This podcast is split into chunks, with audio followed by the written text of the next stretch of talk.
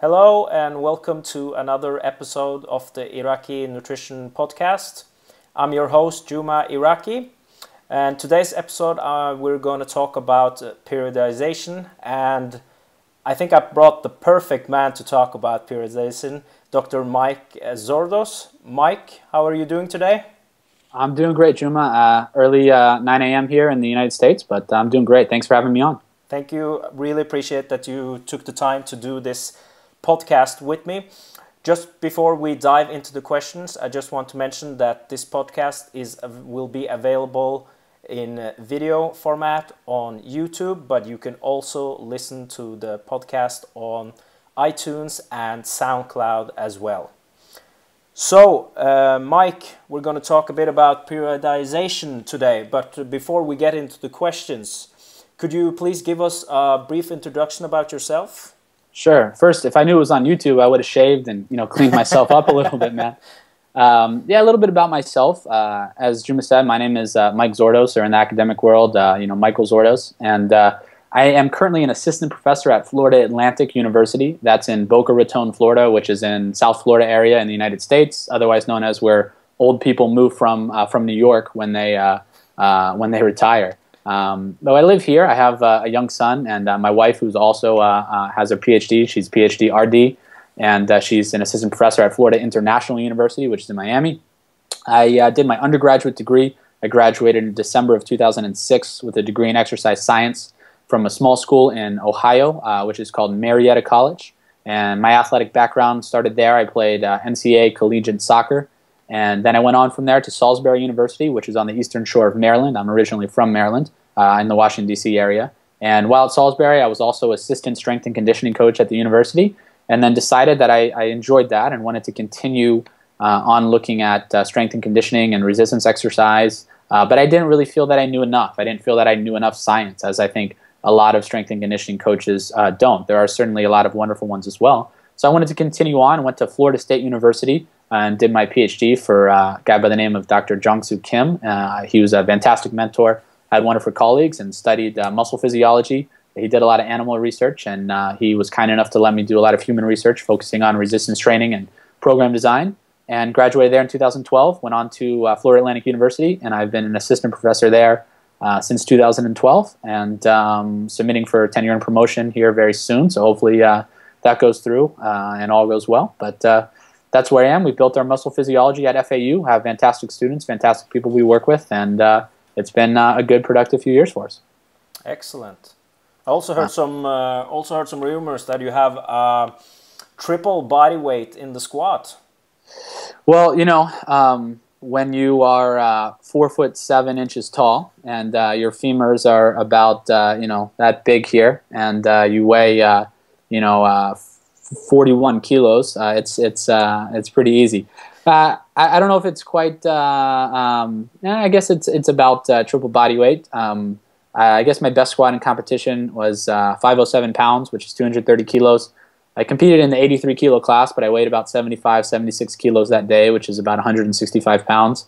Uh, so it's not bad. Um, the only problem is you haven't uh, asked about my other two lifts. so if there was a squat nationals, I would I would go to that and, and maybe do okay.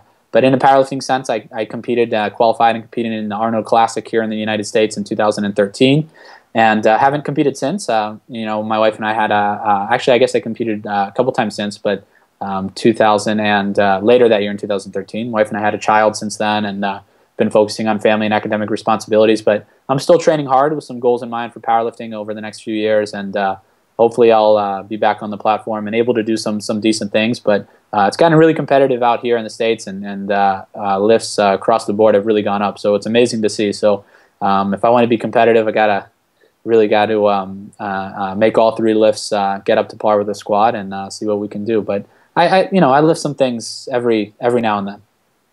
Excellent. We have some great. I don't know if you know. We have some great powerlifters here in here in Norway. Absolutely. Yeah. So um, uh, you probably heard about Carl Yngvar Christensen.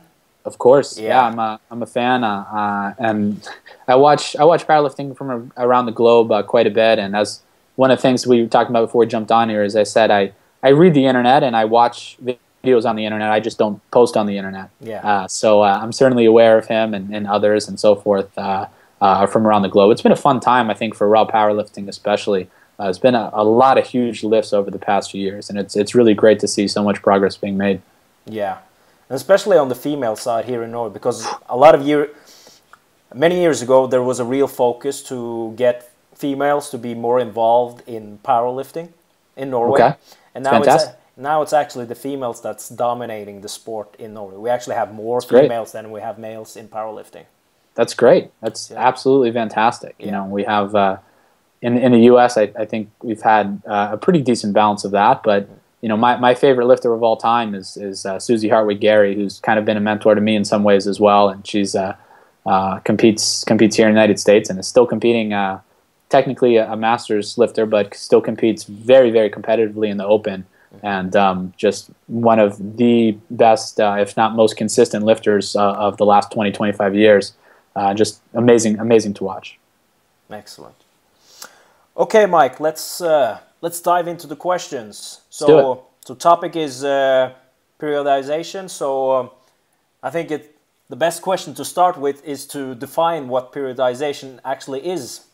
Sure. So, periodization in the most basic sense, the most basic definition, we can get into types and, and, integration of models, which I'm sure we will in just a little bit. But in the most basic sense, periodization is just simply the manipulation of training variables, i.e., volume and intensity, to peak for a competition at a specific point in time. So if we were to say, hey, we're going to start a training program today and we have a competition 24 weeks from now, over that time we would manipulate volume of training and we would manipulate intensity of training to peak for that. So if we think of this in a resistance training or powerlifting context, because that's where we started and that's where a lot of our research focuses, over that time, before getting into specific types, if you will, in a general sense, volume would decrease as we reach that competition, and intensity or percentage of 1RM would decrease. So earlier on, we'd be more concerned with building a base and focusing on cross-sectional area increases of muscle, especially if we were very, very far out from competition.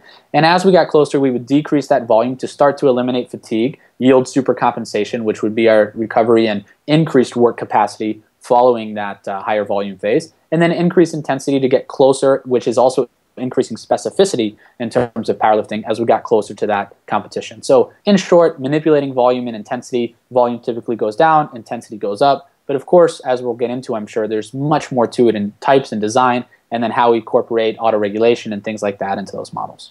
Excellent. So, what are the most common versions of periodization that we have? Sure. So, I guess the old school kind of thought uh, of periodization is more of what we call the traditional or linear model of periodization. And in a basic sense, that's what I just described. Is if you have that competition, if you will, um, that's at the end of your, your training cycle. Let's say if we even take uh, the term macro cycle, which is, let's say, a year of training. For Olympic athletes, it might be four years. But if you take a macro cycle in a linear model, you would start with volume high and it would gradually decrease. And you would start with intensity low and it would gradually increase. So there would be a point where intensity would cross volume. Now, in that, a linear model, if you will, as we laid out, you're going to alter training variables about one every mesocycle or one mesocycle. A mesocycle in this context could last from about let's say four to eight weeks, depending on how time you uh, how long you you choose to have that time and when you need to peak. So if you had one mesocycle, it mo- might focus solely on hypertrophy type training in a linear model, and then you move into more of a strength type focus. In terms of a repetition context, you know higher repetitions would be in that hypertrophy type block, um, 8, 10, 12 repetitions, and then you would go down into uh, that strength focus after that mesocycle. There's options if we go on from there to look at nonlinear periodization models. In a nonlinear periodization model, we're going to see the manipulation of variables much more frequently than in a linear model. So in a linear model, a, a true strict linear model, and one thing just to kind of spoil our story here, but what we're going to ultimately get to, at least if uh, uh, I have the freedom to, is to discuss how to integrate these models here. And so in a, a, linear model, again, we're altering training variables only once every mesocycle, so not that frequently.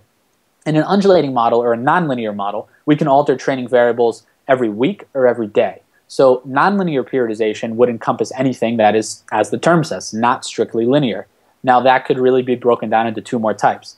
A one weekly undulating periodization model or two a daily undulating periodization model. Weekly would say, hey, we have week one is uh, hypertrophy training, week two is strength training, week three is power training, and we just do that. A daily undulating model is whatever your frequency has, and again, we're going to say we can actually adapt this to any frequency we want as we'll continue. But the most common way to describe this is if somebody trains with a frequency of three days per week, Monday, Wednesday, Friday, you could alternate between hypertrophy, power, and strength training each day, or between different repetitions, let's say uh, eights on Monday, sixes on Wednesday, and fours on Friday. And uh, what I would actually call that is, is uh, more of a programming model. One thing that, that we'll get to is if we look over the course of our macro cycle here, let's just say for the sake of argument that macro cycle is a year. In a linear model, volume goes down and intensity goes up. However, it's kind of the same thing with an undulating periodization type of model. So in a linear model, remember, straight down, straight up. In an undulating model, though, you might have volume start here, and over time, if you watch my hand, it goes up and down, but if you notice, looks like I'm swimming. It goes, it shows the overall trend is still down, right? In that wave pattern. It's just that there's fluctuations within each week or within each mesocycle between repetitions. Intensity overall starts lower than volume, but it goes in that wave pattern and it still goes up, right? So the overall trends of an undulating or nonlinear model are actually the same as a linear model. So if we think of that construct within a macro cycle, the overarching trends are periodization, volume down, intensity up. The, in an undulating model, though, these fluctuations within a week of repetitions, that's programming. So when we talk about daily undulating periodization, in one of our new papers, we actually distinguish between daily undulating periodization and daily undulating programming. Those two types of DUP, if you will. So really, those frequent within microcycle or mesocycle variations, that's not periodization, that's programming.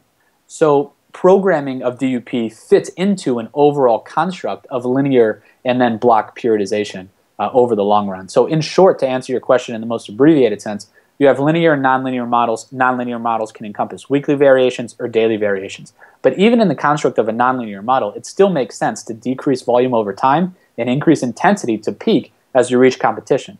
So in a nonlinear or undulating model, we simply use a programming strategy where we, where we alter repetitions and intensities within a week, but still have gradual volume decrease and gradual intensity increase over time, which still fits into the linear construct. So I would call that the integrated model of periodization you have an undulating programming strategy that fits into a block and linear macro cycle.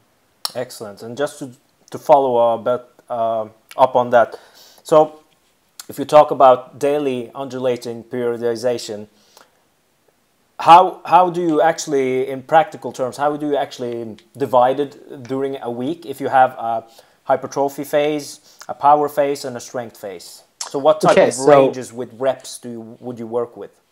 So I'll answer this question uh, twofold. I'll answer first to further distinguish between daily undulating periodization and daily undulating programming, and then I'll answer it more directly, which is how to put it into that overall construct and exactly how would we go about programming this instead of just giving general definitions. Yeah.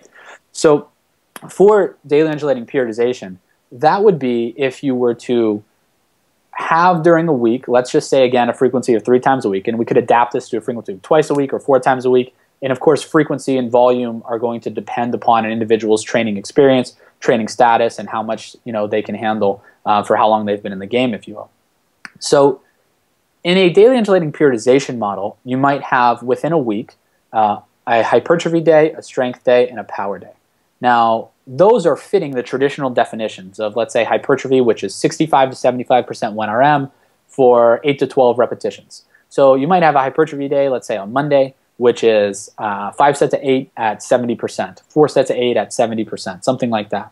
Uh, a power day in terms of powerlifting, uh, we would recommend speed type training, uh, which is 80 to 90% 1RM uh, for just single repetitions. The reason we wouldn't recommend lower than that is because our data reveals when you're in the more dynamic effort range at around 60% of 1RM, your motor patterns are quite a bit different from when you're at 1RM, and the skill is now different. So it's too unspecific. So a power training day, single repetitions at uh, 80 to 90% 1RM, and then a strength day would be greater than 80% uh, with lower sets and lower volume, uh, 80, 85, 90%, um, somewhere between three and five repetitions, uh, and so forth. So in a typical week, if you were to do a periodization model, you might have hypertrophy day on Monday, a power day on Wednesday, and a strength day on Friday.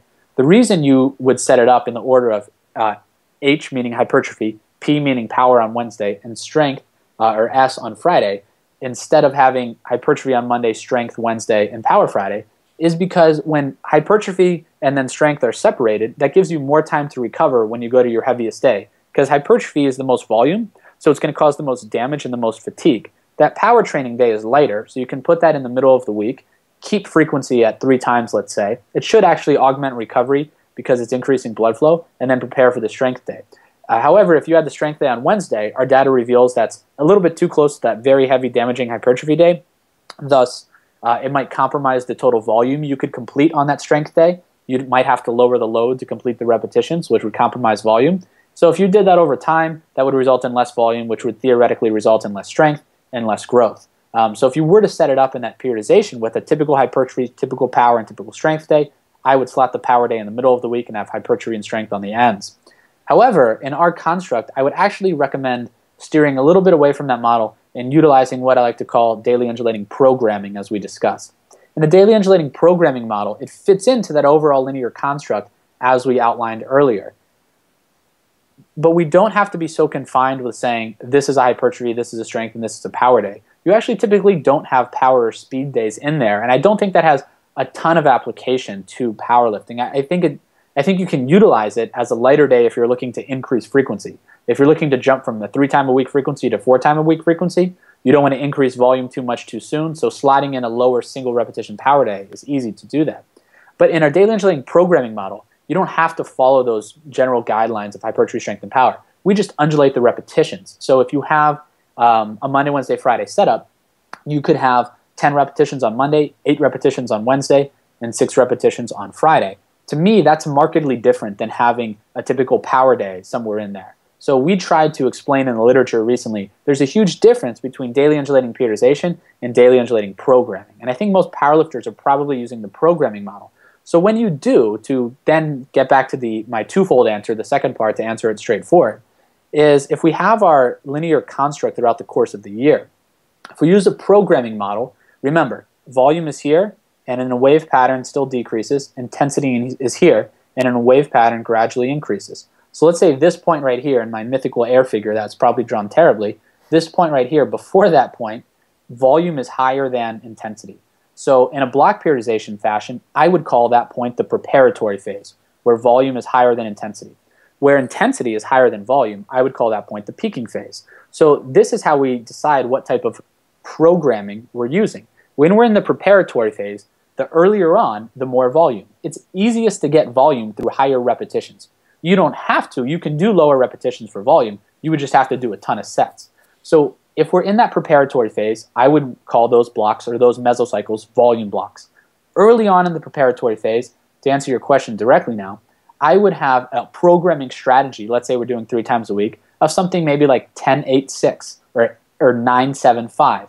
And then the next meso, then you taper, maybe you do some sort of testing. Then the next mesocycle, you're going down to maybe 864. The next mesocycle, maybe you're going down to 7, 5, 3. You finished your preparatory phase. Now you transition and you go into your peaking phase, and then you have an undulation pattern that has lower repetitions. Let's say 642, and then maybe 5, 3, and 1. So those are just some very, very basic examples, but if you note, a few things are going on.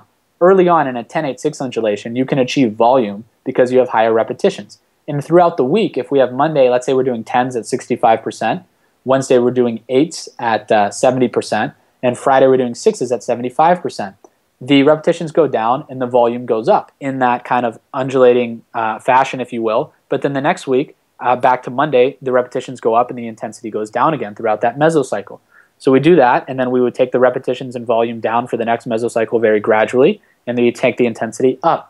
So now we've established what we discussed, which is you have a programming strategy of altering repetitions within a week, but you have a periodization strategy of gradually decrease volume over time and gradually increasing intensity over time. And of course, you can adapt that strategy to just a frequency of twice a week if that's somebody all somebody has to train. The most important thing is adherence to training, progressive overload, and specificity. So if somebody can only adhere to a frequency of two times a week, then you only have a frequency of two times a week. So you might have uh, Monday and Thursday and let's say we're in a in a uh, volume block, which means we're in our preparatory phase before volume or while volume is higher than intensity. So if somebody can just train Monday and Thursday, you might do eight repetitions on Monday, you might do six repetitions on Thursday, and then you might do four repetitions the next Monday.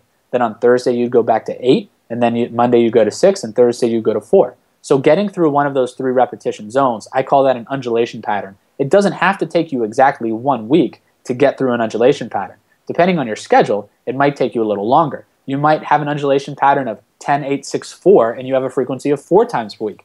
That's okay, right? Whatever your training age calls for, whatever your goals are, whatever you can handle is how it's going to dictate that. But in general, an undulation pattern uh, that has higher repetitions is going to be in the volume blocks in the preparatory phase, and a, undulation pattern that has lower repetitions is going to be in the uh, peaking phase in the intensity blocks but that's overall into a linear construct. And now we've worked block periodization, we've worked linear periodization, and we've worked an undulating programming strategy all into an integrated periodization model. And we've also talked about the word undulation pattern. So next time you're at the gym and somebody says, hey, uh, what type of protein do you have? Or what's your bicep routine?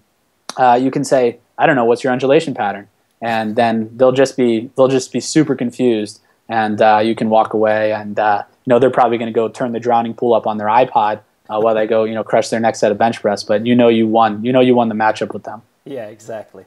Uh, so glad that you actually touched up on that uh, that misconception that you can't do DUP if you only train two times a week. Because right. pe people think that you can only do it if you at least train three times a week. So yeah, it has it has nothing. It's such a flexible concept, and and when I teach this class uh, this to my classes, um, you know, every semester, I always write two words on the board before beginning any talk on programming and periodization. The first concept, or excuse me, the first word is conceptual. I want them to understand this on a conceptual basis. There is no magic program. There is no website you can go to and download this program from the internet and plug your numbers in. That's not how it works. Undulating programming or periodization or even linear, linear um, uh, periodization, it's not a set program. It's a concept that can and should be adapted to the individual based upon what their specific needs are and what their specific goals are. So it can adapt to any frequency, uh, and it can adapt to be higher volume, it can adapt to be lower volume, and it can adapt to any exercise. It's just the concept of changing repetitions or changing phases within a week, which honestly almost every program has some sort of that concept in it. It's then just how we adapt it um, to what our goals are and then putting it into the overall linear construct, if you will. So, yeah, um, and this is probably my fault for the misconception since I don't really do the internet. Uh, although if this internet thing is going to catch on, you know, I'm going to be more active because I don't, I don't think it's going to make it. Um, but uh, you know, it's probably my fault for being being uh, a little absent on the internet, if you will. But yeah, it, it's not a fixed frequency. There's nothing about it that's fixed. So conceptual. The second word I write on the board for my students is integration. I don't want them to think about periodization models as mutually exclusive of each other. And I, I think we just did a pretty good job of laying out how they can and should be integrated. And uh, oftentimes in the research, we'll say, hey, this is a linear model versus an undulating model, which is better? The problem is that's a six, eight, ten week study. Periodization, as we just described, does not last for eight weeks. Periodization is over the course of six months or over the course of a year. So what they've done is different programming strategies, altering repetitions within a week or not altering repetitions within a week. Most of the time, in my opinion, from looking at the literature, altering repetitions within a week is better than not doing it, which is why I recommend that. But altering those repetitions within a week, within an eight week study, then you have to extrapolate that to realize I'm still decreasing volume and increasing intensity over time, and that's periodization. Excellent. Another, another misconception among people is that DUP only works for powerlifting and you can't really use it if you're training specifically for like if you have physique goal like a bodybuilder. What's what's your opinion about that? Yeah, I, I don't think uh, that's uh, you know uh, presents a very good understanding or application. Uh, again, if we just look at this from a construct of programming, altering repetitions within a week, I think that's fantastic for, for a bodybuilder. And I actually work with about half my clients are are strictly bodybuilders. Um, uh, you know, which is uh, which is weird in a way because it's not uh, you know it's not really really what I do. but I've been fortunate, very fortunate, to work with some amazing bodybuilders who were um, you know already world class before they came to me. So I certainly can't take take credit for any of them. But all of them I have to do um, an undulating programming strategy, and I think it's catching on in that world quite a bit. So it's certainly very effective for powerlifters, and we can use it in that construct. For a bodybuilder, we don't have to think about the macro cycle in the same exact construct because they don't necessarily need to peak their strength at a certain time for a competition. They need to peak for their show. But for bodybuilders, and I'm very pleased that this is, I'd say over the last three, four years, this has caught on, some sort of lower repetition training into their program, uh, I think a lot of individuals have seen the benefit. Since that should augment strength, then a bodybuilder can go back onto their higher volume day or higher volume mesocycles, if you will, and now they're stronger, meaning they can do more load, which means they can now overload more because they're increasing their volume. If you're stronger and you're doing your more load, that works into more total volume. So having a programming construct, even for a bodybuilder throughout the week, I think one, it allows them to disseminate volume more appropriately. What I mean by that is a lot of times bodybuilders gone in the gym, you know, in, in the old school thought and say, hey, I'm going to go to failure every set, every session. You know, I'm going to I'm going to crush it today. And while it's cool, I, I understand I understand crushing it, right? You know, sometimes you got to turn the Godsmack down a little bit, and you got to think uh, uh, a little more in the lines of, uh, uh you know, I was going to say think along the lines of 1990s Metallica, but that was terrible. I try to draw. I try to I try to drop out that period. Somebody says, "Hey, did you listen to Reload?" I said, "What? Huh?" It's like somebody says, "Have you seen Rocky Five? that didn't actually happen. Don't don't bring that up, right? so you sometimes those bodybuilders, you know, need to kind of turn down that thought of going to failure. And if they use an undulating programming model, it will allow them instead of saying, "Hey, Monday, I'm going to go to uh, I'm doing uh, you know 10 reps at uh, uh you know um, 70 percent." And I'm going to go to failure on every single set, which means I might not get 10 reps on every single set. Well, that's going to create so much damage and so much soreness and so much fatigue that let's say Wednesday, they might not be able to train the same muscle group again or the same exercise again. They might not be able to do that till Friday. So if somebody was doing, you know, five sets to failure at 70%, they might get 12 reps on the first, eight reps on the second, six on the third, then five, and then four, something like that. But they did everyone to failure. That created a lot of damage. But in this undulating programming strategy, we can avoid that a little bit and say, hey, we're going to use 70%, but instead of going to failure, we're going to do four to five sets, and uh, uh, we're going to use, I, am sure we'll discuss this, but uh, we're going to stay short of failure and utilize the RPE scale and stay at around a 7 RPE. Well, they got maybe a little less volume in that day than when they went to failure, but now they can come back again on Wednesday, and instead of doing, let's say, 70%, they can do 75% for maybe six repetitions, and they're they didn't go to failure, so they didn't have as much damage. They can then perform a decent amount of volume on Wednesday, and then they can do a similar thing on Friday while taking the repetitions down a little bit more. So I think in that undulating programming strategy, it allows you to do that. And you could certainly do that without the undulating programming strategy, but what I think you would miss is the lower repetition days to enhance your strength a little bit more, which will allow you when you go back to your, your higher volume blocks and your, your higher repetition and volume days to be able to utilize more weight and overload more. So I think it's it's in the construct of using the undulating programming strategy, you also have to be smart about the stress that you're putting on yourself per set, meaning the rating of perceived exertion or how many repetitions you have in reserve on every single set. You don't need to be training to failure all the time. And if you're not, you're going to avoid the fatigue and the soreness that's going to come come with that session and you're going to be able to come back more frequently and train again. So you might be sacrificing volume in a day, but that's okay now you're doing more volume over the course of a week and more volume over the course of a mesocycle. And if you can maintain that for a long time, that's the goal. And I always challenge people to think about this concept and say, if it was really about volume in a day, well, why don't we all just go to the gym and do 10 sets of 10 on everything today? Right? That's certainly not the case. It's not about damage, it's not about volume. It's about disseminating that volume appropriately over time. And then how much volume should someone be doing is relative to that individual's training status uh, and so forth. So I think when you use the undulating model, it allows you to disseminate volume appropriately. And a bodybuilder, if they can do that, I, I, I personally um, am an advocate of a bodybuilder doing the, doing the main lifts and doing them frequently. They might be doing a little less volume on a squat or a bench press because they have to get a lot of other assistance work in there. But if they only did, let's say, um, uh, you know, squats uh, once or twice a week, that doesn't mean they can't train lower body three times a week, and it doesn't mean they can't still use an undulating model. You might have squat on your first day for a bodybuilder on Monday, and you're doing that for 10 reps. Then you might have front squats for eight reps on Wednesday, and then you might go back to squats again for six reps on Friday. So you can still use that undulating model. That's the other thing that people uh, misinterpret with this is, oh, well, it's just for main exercises, and I have to do the same exercise. It has nothing to do with that, right? It, it just has to do with how you're manipulating that programming strategy within the week. And and then of course disseminating volume appropriately. So people see a lot of times for powerlifters, and yeah, they're going to do the main list frequently because that's their goal. That's what exactly what they're training for. It's it's specific. Um, should a bodybuilder do the main list? Yes, I believe so. Can they get away without doing them? Sure. It's just going to be a little bit harder. But if they don't enjoy doing them three times a week, it's still then that's an, I'd like to kind of preempt and say that's another misconception is you know I, I don't do the lifts. I, I train a muscle group two to three times a week, but I don't do the main lift three times a week, so I can't do undulating programming. You can. You just follow the same uh, undulation pattern and just incorporate the lifts in that you want. Exactly.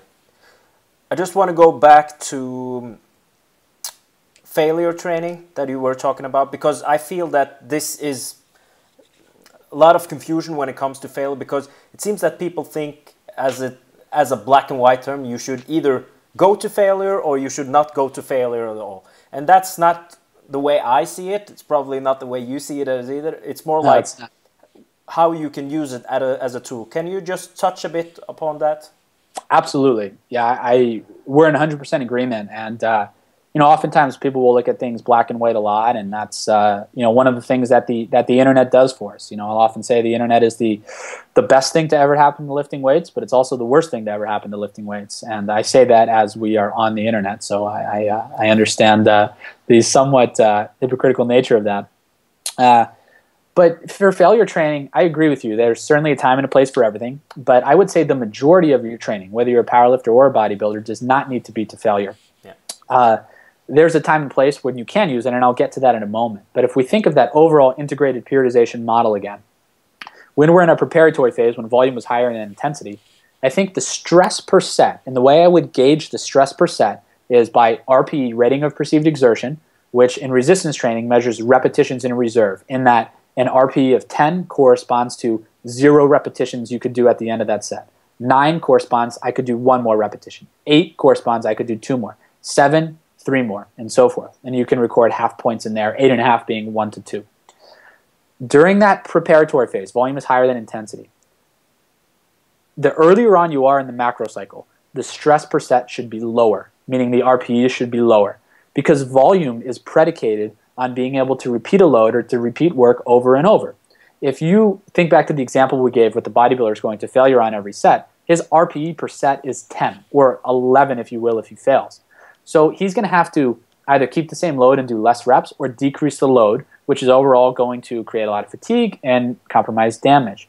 So the stress, as volume is high, volume has an inverse relationship with RPE. As volume is high, RPE or stress per set should be lower. And we could even train at a 5 to 6 RPE during the very early stages of that when we're first starting. And that's going to make a lot of progress. I know that's difficult for some people to grasp. They say, you want me to leave four repetitions in the tank on every set? And uh, I say, I understand the urge to go more, but please trust me on this. If you don't, then you're going to probably compromise how frequently you can train throughout the week, which is going to compromise your overall volume. Less stress per set, you can still accumulate a lot of volume in that session, but it's not going to fatigue you as much. So then you can come back more frequently and train again and do more volume over the course of that time, over the course of that mesocycle. Now, as volume decreases and intensity increases, RPE will mimic intensity or stress per set that will increase as well. And as a powerlifter gets into that intensity block, that's when the RPE is more of an 8, 9, 10, getting into that realm as intensity is much lower. So what I would do is, if you think back to our earlier construct, if you're in a volume block, I would also set an RPE goal. Maybe you have an RPE goal for that, that block of 5 to 7 if you're very early on, when you're in a lower component um, uh, of intensity and, and a higher component of volume, and you shoot for that goal one of the advantages of doing that is if you know Jimmy, you and I are going to train, and we're both in a volume block, and we're going to do five sets of eight at seventy percent. Well, that's the same relative percentage of our one RM. But let's say for one set, you can do twelve. If I said go to failure, you could do twelve reps at seventy percent, but I can only do ten reps. Well, if we do five sets of eight, that means on the first set, your RP is going to be six, and mine is going to be eight. So that's not the same physiological stress. So if we if we have an RPE goal, right, we don't then have to be so confined to percentage of 1RM. I can then say, well, I'm going to train start my sets at 65% because I'm going to be able to maintain the specified RPE goal there. You're going to be able to train at 70 because you're going to be able to maintain the specified RPE goal there. Now we're stressing ourselves equally per set. And then now we can both, neither one of us is going to create too much fatigue and too much damage. and then we can come back again and train and, and uh, the next day and do that. Whereas if I trained at 70% and I record an 8 RPE on the first set, but my target RPE goal is 5 to 7, I've already overshot it and it's going to be too fatiguing for me than to be able to continue. So I would say you could you could most of your training should not be to failure. However, that certainly doesn't mean you could never train to failure. Um, there are strategies and tools I like to use. If we have a let's say we have a weekly construct and we just use a very basic undulation pattern Monday, Wednesday, Friday of 8, 6 and 4 well, we could do what we call a plus set, or what uh, most people would call a, a, as many reps as possible, or AMRAP type of set. I'm super I'm, I'm, super upset with myself. I just said the word AMRAP on the internet, but uh, nonetheless, I did. Um, so if you have that that plus set, let's say on the eight six four pattern on Friday, you have six sets of four at eighty percent. So that plus set would be the last set you could take to failure or do as many reps as, as you can, as many reps as possible.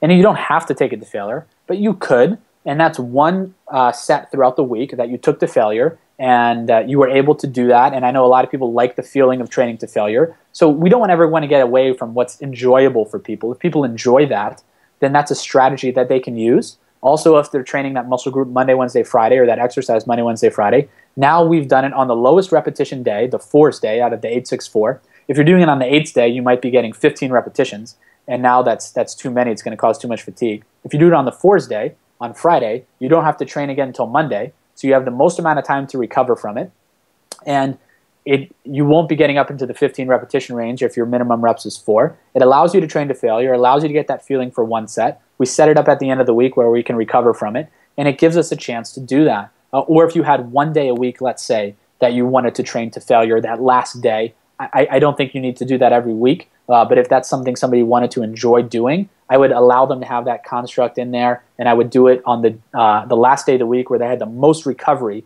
uh, time. Let's say uh, 72 hours rather than 24 or 48 hours, uh, where they could come back and do it again. So that's a tool that I could use in that construct. Uh, but overall, we're in agreement. It's not an all or nothing type of principle.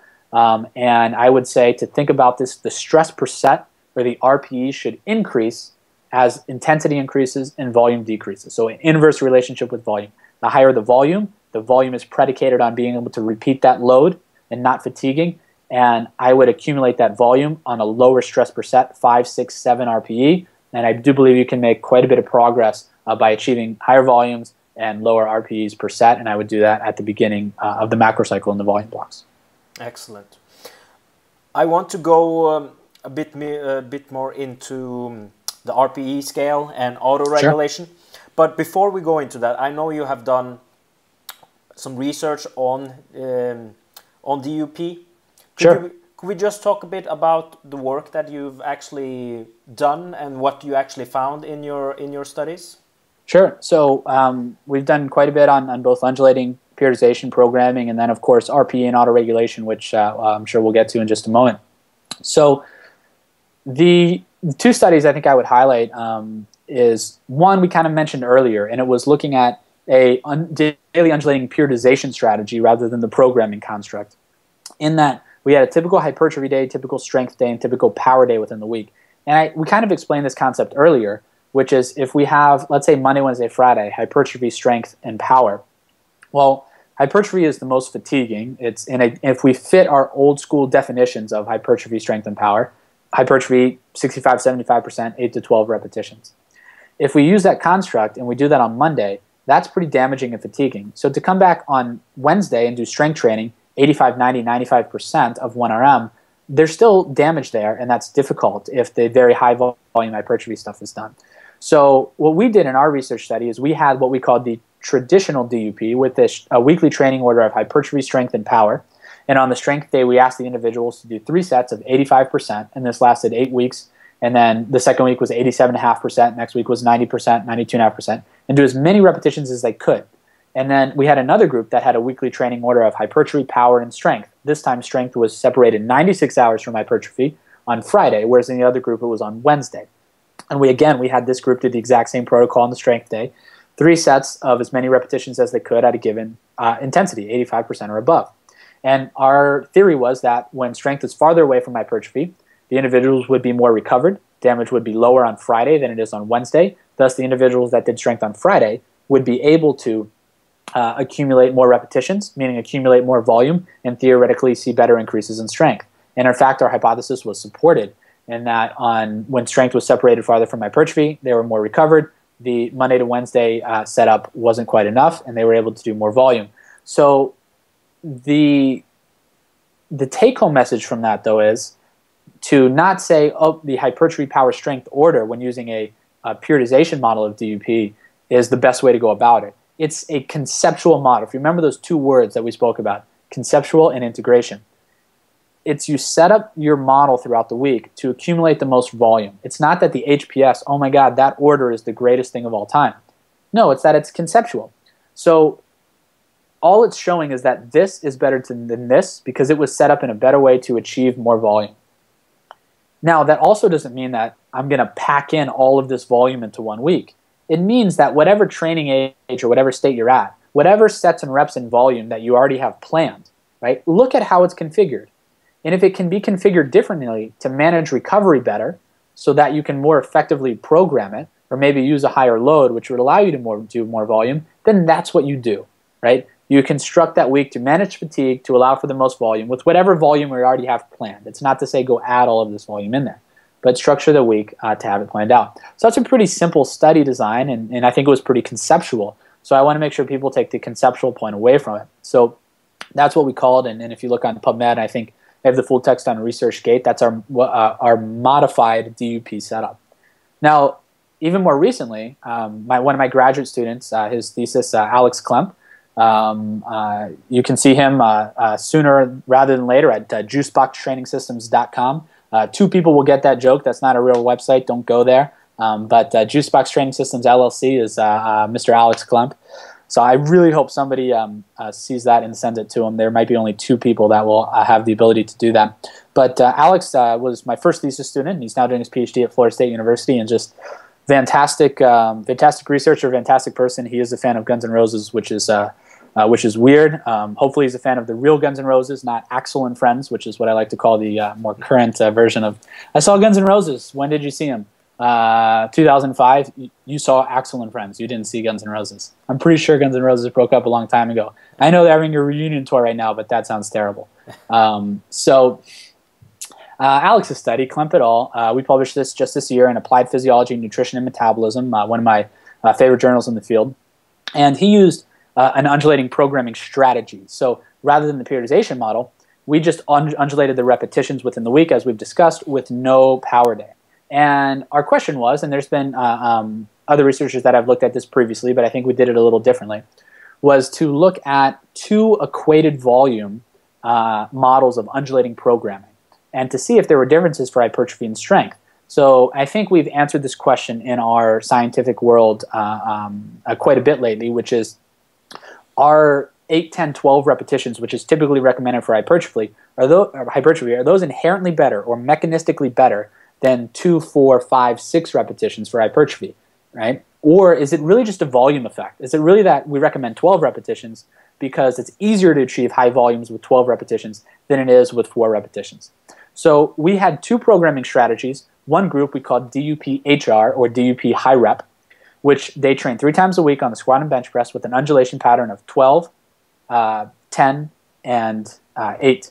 And in the 12 rep group, they did uh, four sets of 12 at 60% on Monday. They did four sets of 10 at 65% on Wednesday. And then they did um, uh, five sets of eight at 70% on Friday. So all typical hypertrophy.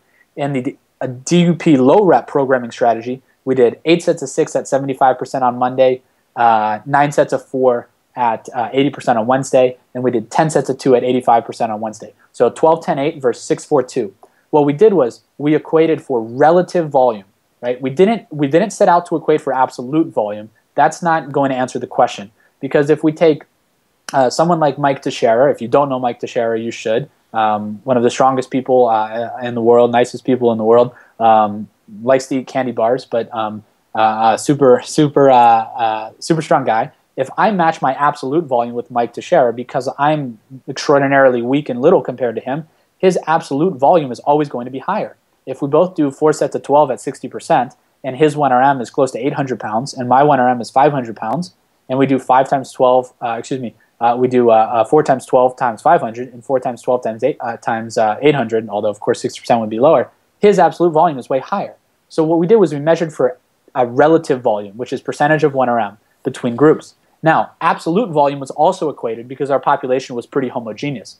So which is great. We covered both of those. And what we found that hypertrophy was not different between groups.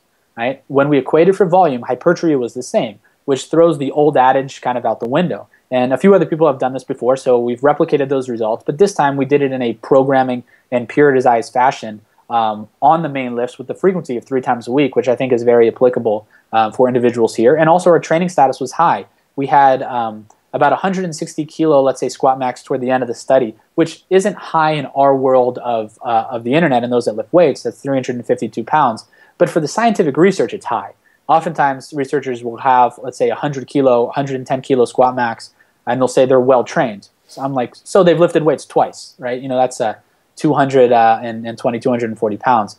So no difference between groups with the 12-10-8 programming strategy and the 6-4-2 for hypertrophy. Equated volume is the same. However, there's always a caveat in that the low repetition group, since we had to do so many more sets, took almost double the time to complete the session as the high repetition group. So from a practical perspective, I don't think it changes a whole lot, which is that high repetitions are not mechanistically better for hypertrophy, but practically they're better because it's a lot easier to achieve a higher volume, which is why if we go back to our periodization construct over time, we use the higher rep programming strategies in the volume blocks because it's easier to achieve volume. Now, our study, Alex's study, that study also looked at strength we hypothesized that the lower repetition group would have more strength, but they didn't. So that's why science is so cool. You make hypothesis, but you can be wrong, and we were we were wrong in this case. So as we wrote, if if anybody reads the full text of our manuscript, which is again available on ResearchGate, the reason we hypothesized that the lower repetition group had the same strength as the higher repetition group is, you know, we took our individuals and although they were trained, we had them training on squat and bench press three times a week, and we had them doing high volumes. So they were, I'd call moderately or intermediate, intermediately trained with squat maxes of 140, 150, 160 kilos. Highly trained for research, moderately training in a real world setting. So I think what happened was that the training protocol and frequency was just so much better than what they would typically do at the recreation center or Gold's Gym or Loft Fitness or something like that. Is that uh, the programming was so much better that no matter what group, they saw a huge increase in strength. So I still hypothesize that in a more highly trained population, a lower repetition strategy would still be better for strength. And I think that is fairly clear throughout a lot of the literature. So I think that's why we didn't find it here because the programming was so much better. But if you took two groups of people at that stage and you took them all through, let's say, training for 10 reps or training at high reps for eight weeks, you did the same program. And then after that, you kind of adapted into it. And then you split them into two cohorts, a high rep and a low rep. I then think the low rep would do better for strength.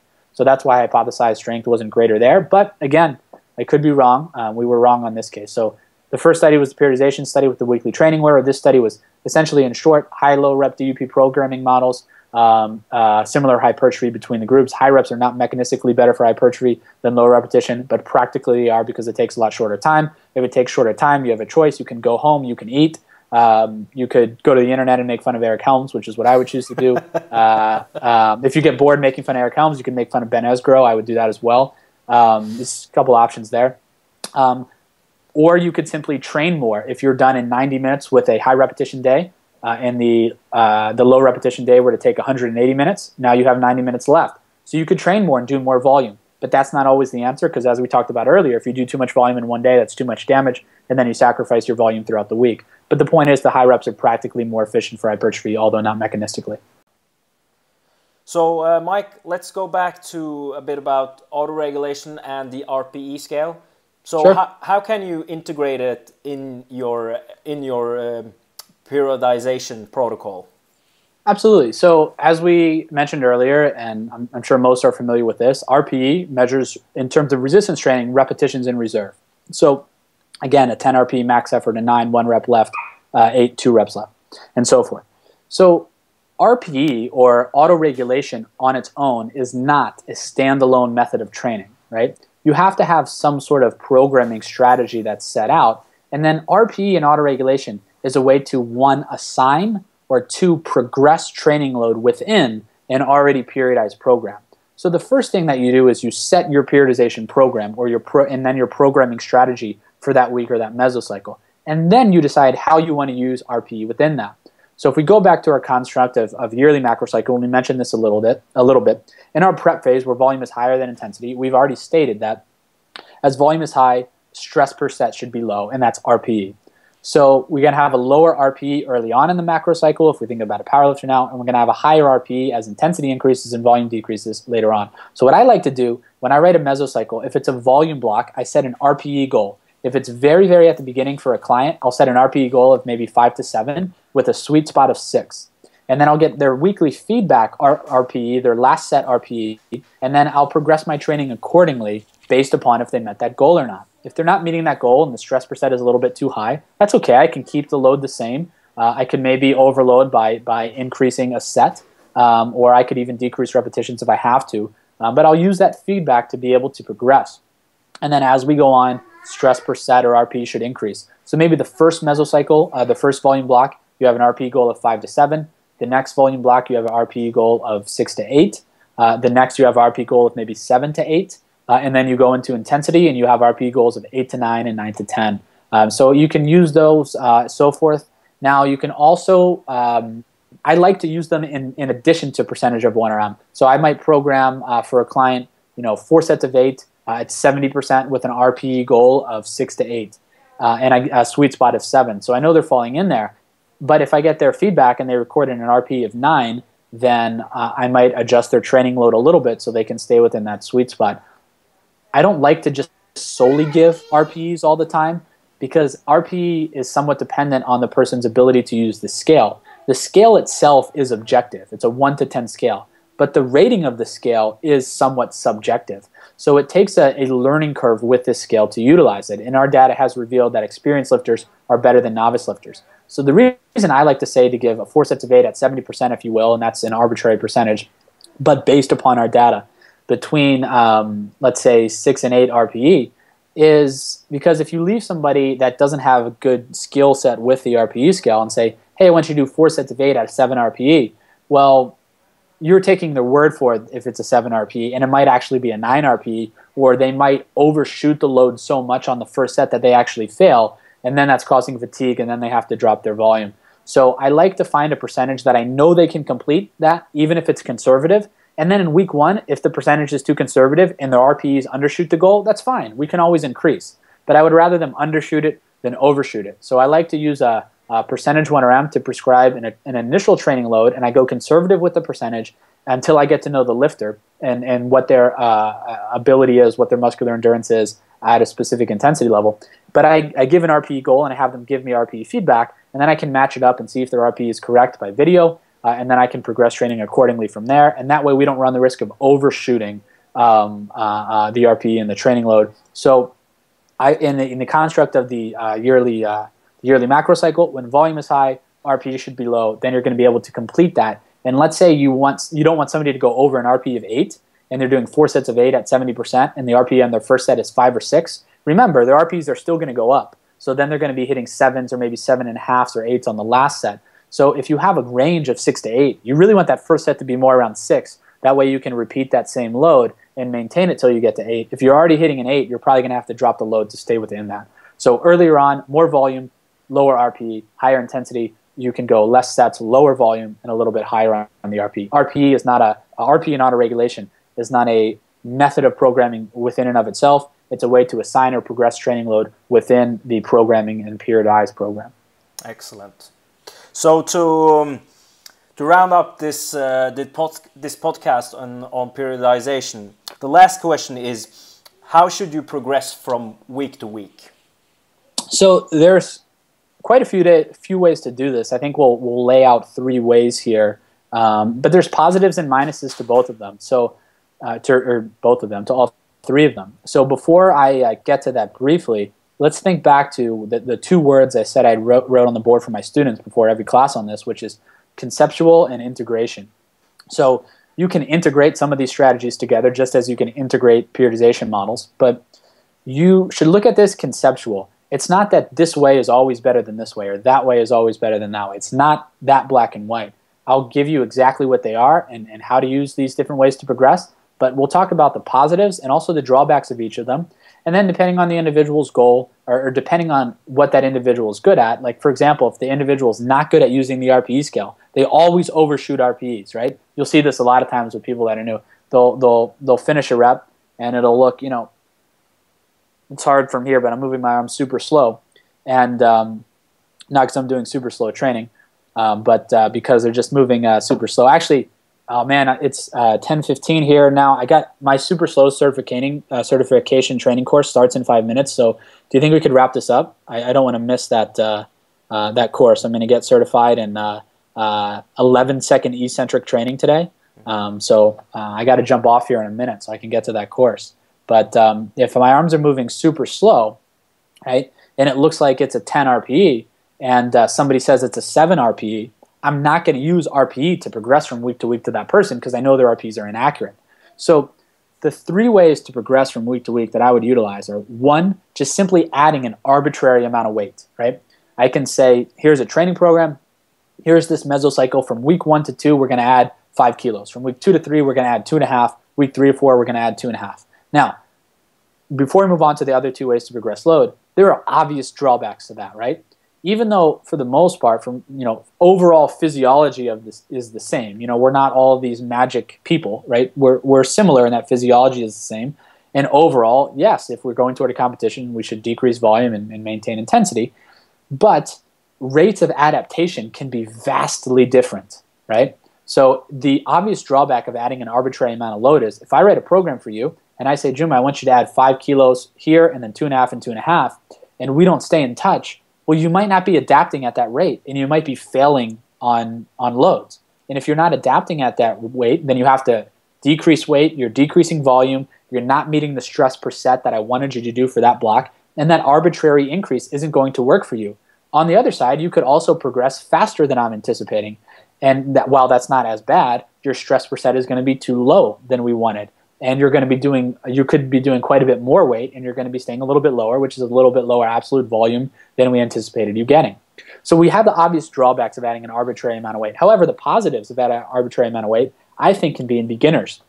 In beginners i can predict somebody's going to have a huge increase in the amount of uh, weight that they're going to be able to lift just because of the neuromuscular factors and the skill adaptations that are going to come along with it. So if I were to progress based upon RPEs and they have really, really low RPEs, and then I can say, wow, based upon this, I could progress, you know, 10 kilos, 20 kilos for the next week. They don't need that much volume progression, right? That's an inappropriate increase in their load. Just because you can increase volume or you can increase load this much, especially in a beginner, doesn't mean you should. I don't want them to progress too much too soon. One, I don't want them to have the risk of injury, and two, they don't need that yet. So in a, in a beginner, and they're not really good at using the RPE scale yet, I would prescribe an exact load that is so far away from failure because I know they can progress on anything, then say, hey, I just want you at two and a half kilos each week or five kilos each week. And I stay in contact with them just to make sure they're, they're you know, capable of doing that. But I'll know that they can probably add 15 kilos and just add two and a half or five so they don't progress too much too soon at the beginning rate. So you can add an arbitrary amount of weight. That's the first way, but there are uh, uh, drawbacks to it in terms of not being able to meet the progressions. Uh, but there are also positives to it to enable somebody or to disable somebody, I should say, from progressing too much too soon. The second way that I would do this is in uh, uh, we could use that plus set we talked about earlier or that AMRAP set. If we have that 864 undulation pattern, uh, on that last day we talked about doing one set to failure. It doesn't have to be to failure, but a plus set on the four rep day where we do as many reps as we could you, you could i would also recommend capping it meaning if you do four reps as your baseline and you could go to 15 cap it at 8 or cap it at 10 somewhere in there. But essentially we could uh, take a direct relationship with that plus set for progression meaning the more repetitions on the plus set the greater the load you increase for the next week. So if the minimum is 4 i could say if you get 9 to 10 reps we're going to increase 7.5 kilos for the next week. If you get uh, seven to eight reps, we're going to increase five kilos. If you get five to six reps, we're going to increase two and a half kilos. Uh, so we're going to progress based upon that plus set. And as Dr. Mann outlined in 2010 paper, fantastic paper, and, and uh, uh, uh, seems like a, a, fantastic guy, fantastic coach and researcher, uh, that would be called APRE or auto-regulatory progressive resistance exercise. So we could use that set. Now, um, the problem with that is you're now basing the next week's progression by on only one set during the week. You're not taking into account anything else, and you're only progressing based upon that one set. The issue with that is if I'm doing five sets of four, and then I know my last set is a plus set, my excitability on the last set is going to be much greater than it was on the previous sets. And I probably have atypical performance. And I'm progressing on one set where I was really, really jacked up, was really, really focused, um, and did really, really well. But my excitability level isn't going to be that way for every single set the following week. So I'm not going to perform to the same capabilities. So it could be a little bit too fast of a progression. The positives are also that you're progressing individually. So if I'm working with a lot of people, uh, let's say in a, a, collegiate team setting where I have a lot of people on the same program, or if I'm just working with an individual, I, I, um, I'm now progressing at their rate of adaptation. If they're killing the plus sets every week and they're more intermediate or advanced lifter, I don't need to just progress two and a half kilos. If I can take more progression, I need to take more progression because if I have an RPE theme for that block, they're going to be more sure to stay with the RPE theme if we are progressing based upon that. Now, the one other thing to take into account with the plus set progression or APRE progression is the fact that absolute loads may not be the best way to, to look at this progression because if we have two lifters, one has a 200 kilo squat max and one has a 100 kilo squat max. They're both working uh, on fours on their plus set day at 80% in week one. They both get 10 repetitions, which based, based upon our previous table would stipulate a 7.5 kilogram incre- increase from one week to the next week. Well, for the 200 kilogram max individual, this is a 3.75 uh, percentage increase of load. For the 100 kilogram max lifter, that's a 7.5 percentage increase in their load. So relatively, it's not the same increase. So what I would say is increase by, especially if you have a group of lifters, um, increase by maybe uh, three and a half, maybe four percent from one week to the next, if they're if they're on that high end of the repetition range on the plus set, and then maybe two and a half percent if they get you know uh, just a few reps more, and then if they get just one or two reps more, maybe increase one percent load for the following week. Otherwise, if you have multiple lifters, you you get different percentage of one RM increase. So it relatively it's more for somebody than for somebody else, even though it's the same absolute load. So that's positives and negatives of APRE basing on the plus set. The last way that I would say to progress is you can auto regulate just based upon RPEs. Again, you don't have to do a plus set you could cut out the plus set and just uh, gauge RPEs on just the last set or every set. So if I were to gauge, let's say, on that 864 undulation pattern, and I were to take the average of all RPEs on that day uh, for that fours day, the lower the RPE, the greater the load increase. If somebody is recording 5 and 6 RPEs, I could take a more aggressive load increase. If somebody is taking 9 and 10 RPEs, I might want to keep the load the same or maybe even decrease it so they can meet the goals for the following week. There's a few ways to do this. You could do it just based upon the last set. Uh, uh, but if you do that, now you're only taking into account that last set. You could base it on an average for the day. If over that uh, those five sets that you have, their average RPE, the, the goal RPE is uh, seven, and their average RPE is six, then you can take a pretty solid increase for the following week. Also, if you have an 864 type day, the let's say on the eighth day somebody has better muscular endurance. They're typically training for bodybuilding and haven't done lower repetitions. Their RPs on average are five on the eight rep day because they're really good at that. Their RPs on at the fours are seven. Well, we don't have to increase load uniformly throughout the week. I could take a two and a half kilo increase on the seven uh, on the fours day where they recorded seven RPs, and I could maybe take a five or seven and a half kilo increase on the on the eight rep day, and the RPs should normalize, let's say, at a sweet spot of about six or seven for the following week, and that way they now have the same stress per set uh, for each day in the block, which would fit back into our programming construct and fit with the goal of that mesocycle. Um, so there's positives for that. Uh, the negatives of doing that is, is negatives that could apply to the other ones as well, whereas you are essentially going off of fixed progression in any of those strategies to saying, oh, these are my RPs, this is what I'm going to do next week. Um, which is where also then using RPE per day to say, hey, this is my fixed progression, but I don't feel good today, so I'm going to have a little bit flexibility and increase or decrease load. Uh, so positives and negatives to all of these ways to do it. It's not that an arbitrary is better than a APRE or is better than just using RP for autoregulation or the other one is better than the other. Um, it's just all depending on what the individual's goals are. If the individual is good at using RPE and they're accurate, you might want to use that. If it's a beginner, you might want to use arbitrary amount of weight. They're not good at using RPE and you don't want them to progress too quickly. APRE, they can progress at their rate of adaptation, but you're gauging everything on one uh, on one set now. So there's a myriad of ways that we can do that, and as long as we're fitting with our overall goals, they're all appropriate. Um, and uh, it doesn't mean those are mutually exclusive either. Right? You can then use um, the last thing to, to mention here before we sign off is you could use a flexible periodization model template. Whereas, you know, I have this 864 model throughout the week and or a hypertrophy strength and power. And I, man, I only got two hours of sleep last night. Um, you know, I'm not, uh, I, I was a student, I was studying for a big test or, or whatever it might be. And uh, I'm not prepared to do this heaviest day. So uh, I'm going to uh, choose the lighter day in this week, and as long as you get all your volume in throughout the week, if you have to flex, have a flexible order to do that because of your demands, that's okay. So that's not necessarily week to week progression, uh, but that is another way to implement auto regulation into the programming strategy. So within the progressions, positives and negatives of all of them. Uh, what's the best? I wouldn't say one is the best. I would say that it depends on uh, what that uh, person responds to in terms of are they good at gauging RP or not. Um, are they beginner? Are they intermediate? Are they advanced? And they can all be appropriate under certain circumstances. Excellent. I think uh, I think that's a that's a wrap. This uh, this talk was amazing. I I don't think I could have found a better person to talk about periodization. So, Mike, I really appreciate you took the time to do this podcast. For um, for people that want to read more about you, where can they find information on the internet? Well, first, I appreciate the kind words, but I just have I have another computer, and uh, I just went on a random website, and I was just reading that off of all of that. Um, I don't even really teach at a university; I just made this stuff up. So, jokes on you guys. Um, no, seriously, I appreciate that. I enjoyed it as well. So, I hope it, I truly hope it's beneficial for for everybody that is um, that is listening or watching this. In terms of where people can find me, um, you know, I'm not really out there very very much on the internet. That's not my thing. I do have a Facebook page, um, so you can find me there. That's my only social media. And um, as, as far as I can see into the future, that will be my only social media.